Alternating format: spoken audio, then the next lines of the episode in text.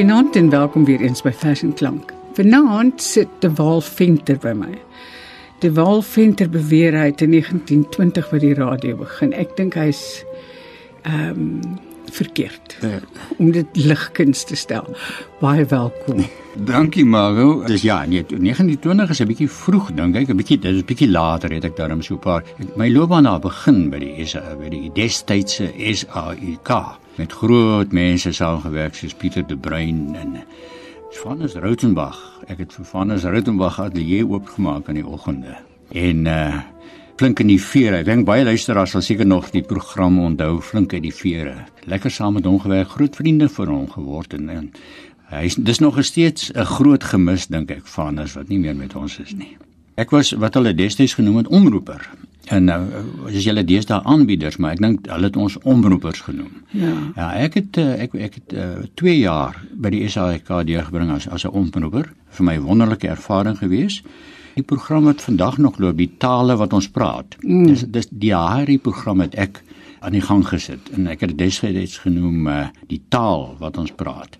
En ek is bly hy loop nou nog vir my nogal 'n 'n riem onder die hart. Lekker program om na te luister. Heerlike program. Taal is vir my natuurlik 'n iets geweldig interessants. Dit is een van die groot belangrike dinge in my lewe. Jy weet 'n skrywer werk mos met taal en dit is dis die dis my instrument. Jy praat ook vele tale. Ek meen jy vertaal dikwels, né? Ja. Ek vertaal graag. Ek ek praat nie die tale nie. Ek dink nie dit is nodig om die taal vlot te kan praat nie, maar ek ek vertaal baie graag. Eh, Ek het heelwat van Pablo Neruda se se werk vertaal, natuurlik uit Spaans uit en dan my ander gunsteling digter is die Sweedse digter Thomas Tranströmer en ook die groot heteronieme Portugese digter Pessoa. Pessoa het, het verskeie persoonlikhede gehad, digterspersoonlikhede en hy het daai persoonlikhede het elkeen geskryf in 'n verskillende styl, 'n kenmerkende styl. Hy was een van die grootste Europese digters om die waarheid te sê. En ek dink is belangrik dat Afrikaanse lesers die kans kry om digters uit ander tale te kan lees. Terwyl ons het baie werk uit jou hande uitgekry, uit jou kop uit, ek weet nie. Maar jy was nou lank as digter was jy nou lank stil. Hoekom? Wat het jy gemaak? Ek was besig om ander goed te skryf. Jy weet deur die jare het ek ook uh jeugromans geskryf en ek het kinderverhale geskryf en so voort. Maar ek, ek dink my digkuns was aan die ontwikkel. Ek het aan uitgewers voorgelê in die jare, maar hulle kon nie die kloutjie by die oortjie eintlik bring nie. Ehm uh, my werk was miskien nie ryp genoeg wees. Ek dink my dig my digkuns het nou 'n soort rypheid bereik wat nou dis nou goed dat dit nou gepubliseer word. Uh my my bundel is nou pas gepubliseer. Die bundel se titel is Oop Sirkel en dis by Naledi gepubliseer, né? Ja. Die een gedig wat vir my geweldig baie vreugde gegee het, is Einstein en Zeus se samekoms en se gesprekke. Dankie Margo. Uh, ek wil graag net 'n paar woorde daarvan sê uh, om die gedig net 'n bietjie verstaanbaar te maak want jy weet as mense 'n gedig luister net een keer dan is is dit moeilik om alles te verstaan. Dis nie 'n moeilike gedig nie, is eintlik 'n humoristiese gedig. Ek dink ons ken almal daardie pragtige kinderstories van Dr. Seuss of Dr. Seuss. Uh die The Cat with the Tall Hat, dink ek is een van hulle en hy het baie karakters geskep. En uh dan is daar Einstein wat verskillende interessanthede gesê het. Hy het byvoorbeeld daai interessante ding gesê eintlik sy twyfel uitgespreek ehm um, Fernwirkung spookhafte fernwirkung waar hy sy twyfel uitgespreek het oor sekere kwantumteoretiese idees. En dan het hy ook daai ander bekende gesegde van hom was dat ehm um, hy het gesê in Engels is dit vertaal as God does not play dice. Die gedig praat van Einstein wat sou teoreties sit hy nou in gesels met die skrywer Dr. Seuss. Nou sit hulle en gesels oor al hulle teorieë, daar's die sogenaamde lynteorie of in Engels the line theory wat 'n ingewikkelde kwantumfisika teorie is. Goed, die titel van die gedig is Einstein en Zeus hou nie van die lynteorie nie. Dr. Zeus en professor Einstein drink bier in 'n ersatz Switserse kroeg in Los Angeles wat voortdurend opgedateer word. Einstein skommel in gedagte 'n paar dobbelsteentjies in sy hand. God speel nie hiermee nie, sê hy koppig. Tyd is 'n pretzel, antwoord dokter Zeus. Tel een op en hap daaraan. En aardig dat ek in sit en sit en gesels met 'n fiksionele karakter, Meimer Einstein. Nie so vreemd as die werklikheid nie, glimlag Zeus en vat 'n teug van sy bier. Nou wat 'n hoed is daardie van 'n? Is dit daai van jou, vra Einstein? Ons hou daarvan om verskillendes te dra, ek en my neef. Neef? Ja, hy's 'n bietjie van sy kop af 'n hoedemaker. Einstein dink 'n bietjie en dan: "Watter hoed dra jy nou?" Die een waarin die heelal 'n ballon is, verduidelik Zeus en vee sy bolap af. Die een sonder vaste lyne, Einstein se snor glimlag.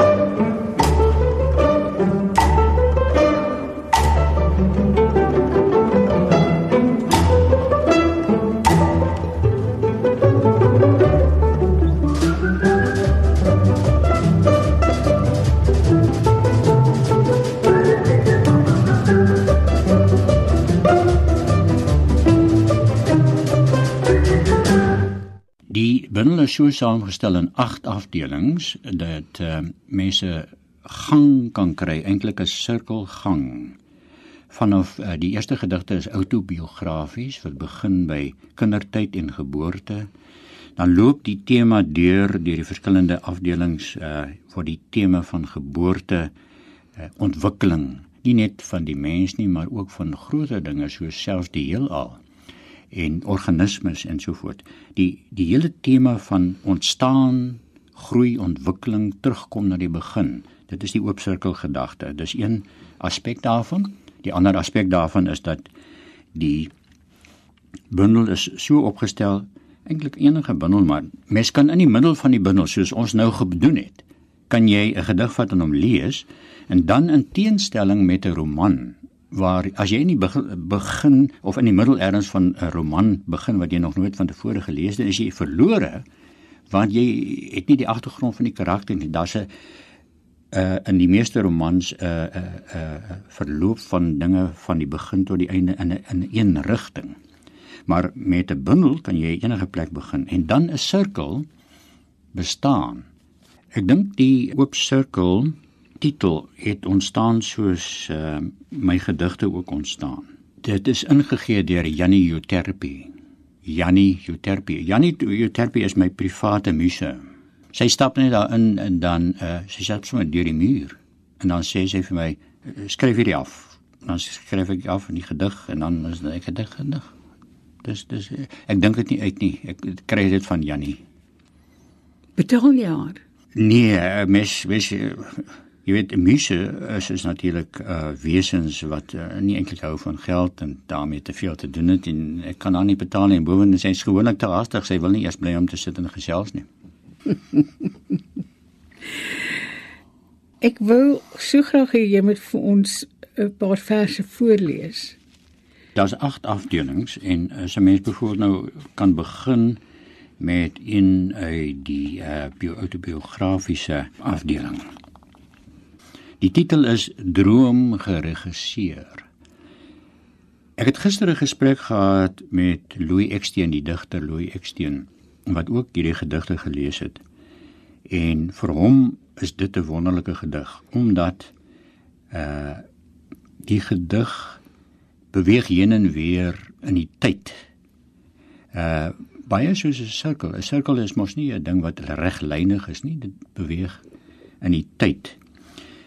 Terloops in die huidige wetenskap word daar deesdae gedink dat dit selfs moontlik kan wees onder sekere omstandighede dat daar terug beweeg kan word in die tyd. Maar dit daar gelaat.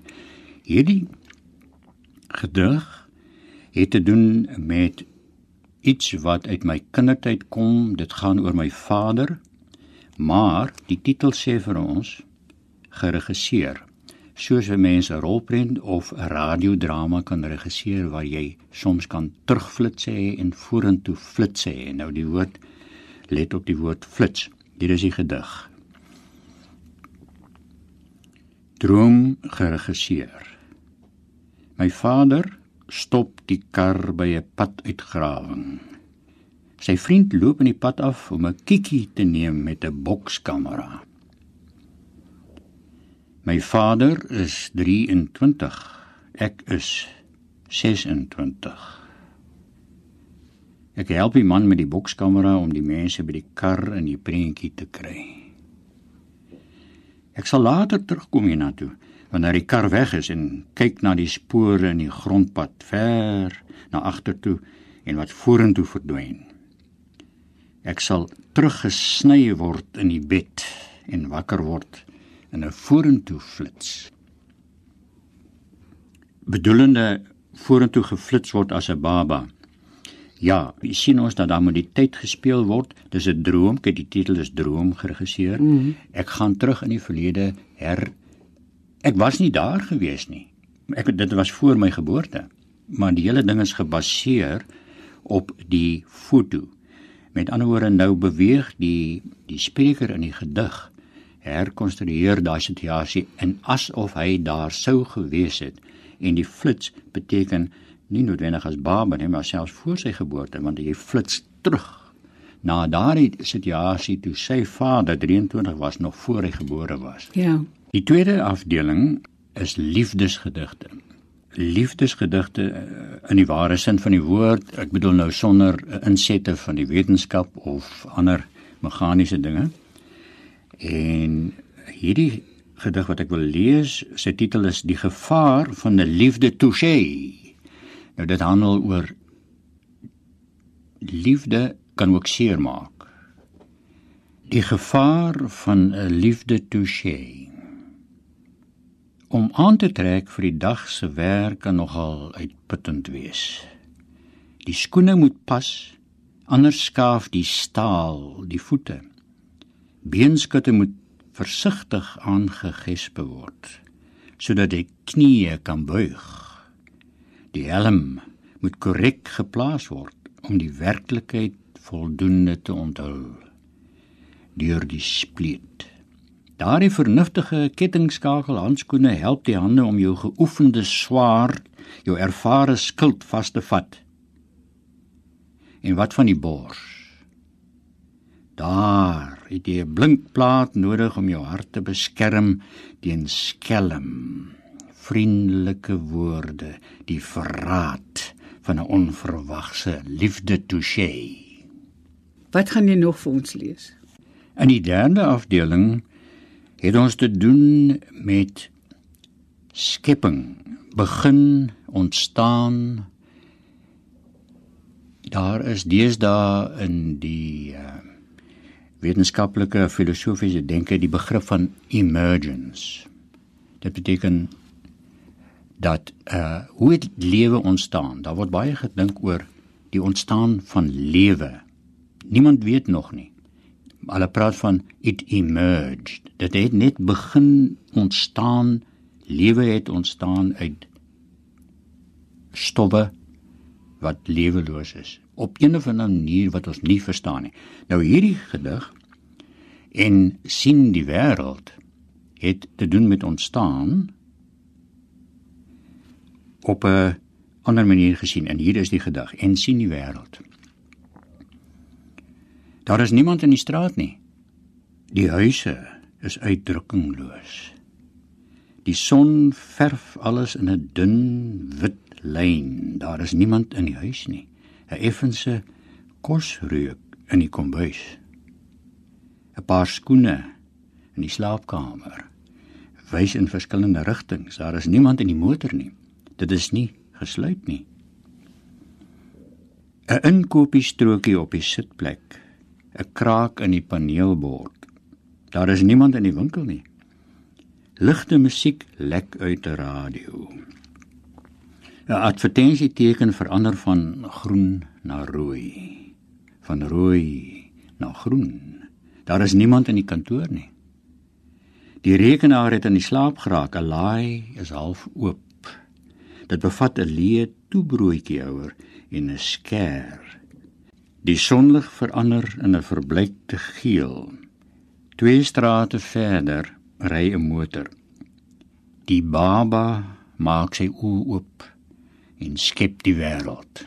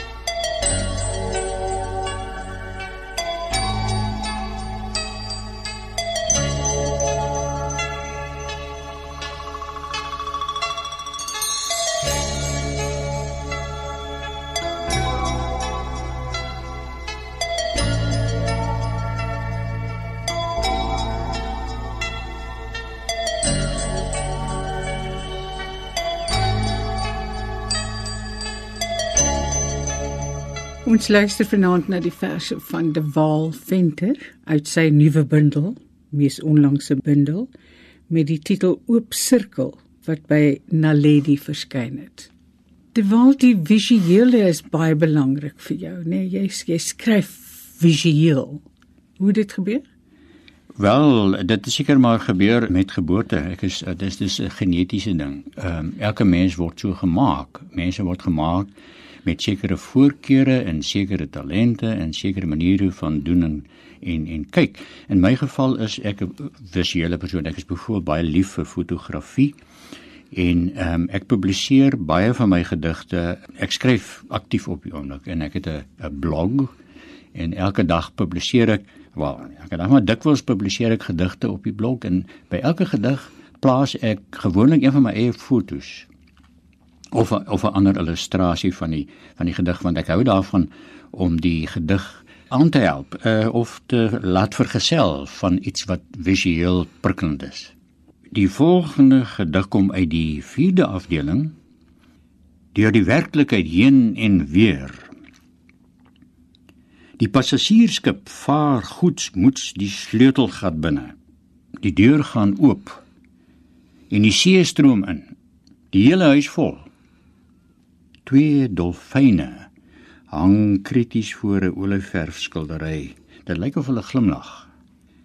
Buitekant dryf passasiers geluksalig rond in dekstoele en proe aan glase wat altyd propvol is.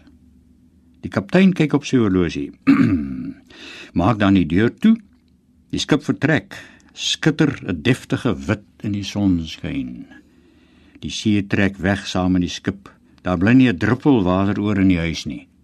Ek gaan nie die sleutel draai om die nikke van die werklikheid uit te sluit nie. Ek wil nog steeds weet hoe ontstaan het. Wat is jou muse se naam nou weer? O ja, ek moet sê kyk, dis nie 'n Afrikaanse Jannie nie. Dis 'n Griekse Jannie. A A N N I en dan Euterpe. Nou Euterpe is 'n uh, een van die name van die Griekse muse van liriese verse. Nou ja, jy weet dit het ek skryf nie net liriese verse nie, maar dit het nou maar so gekom dat ek die muse gekry het. Ek het nie 'n keuse gehad nie. Sy het jou gekry. Sy het my gekry. Ja. Afdeling 5. Die res is net seelversameling. Dit is 'n aanhaling uit die bekende Nieu-Seelandse Nobelpryswenner fisikus Rutherford, Sir Rutherford wat gedink het dat uh fisika is die enigste wetenskap. En hy het een keer die opgemerk die opmerking gemaak iets soos only physics is important the rest is just stamp collecting. Nou hierdie gedig se titel is die res is net selfversameling. En dit lui so die filatelis wat 'n end deur die kolkende molekules uiteindelik gaan sit hy onder 'n boom en vee die sweet van sy voorkop Hy betrag 'n silikon atoom met twee suurstofatome wat aan die kante vasklou en 'n swerm parmantige waterstofatome om hulle.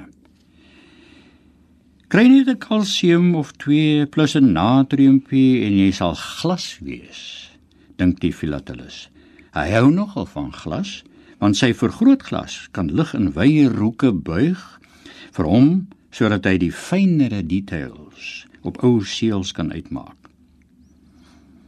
Daar is baie van julle kerels hier rond, mompel die filatelis en stoot met sy vinger aan 'n amper belaglik ingewikkelde string koolstofatome met suurstowwe en waterstowwe.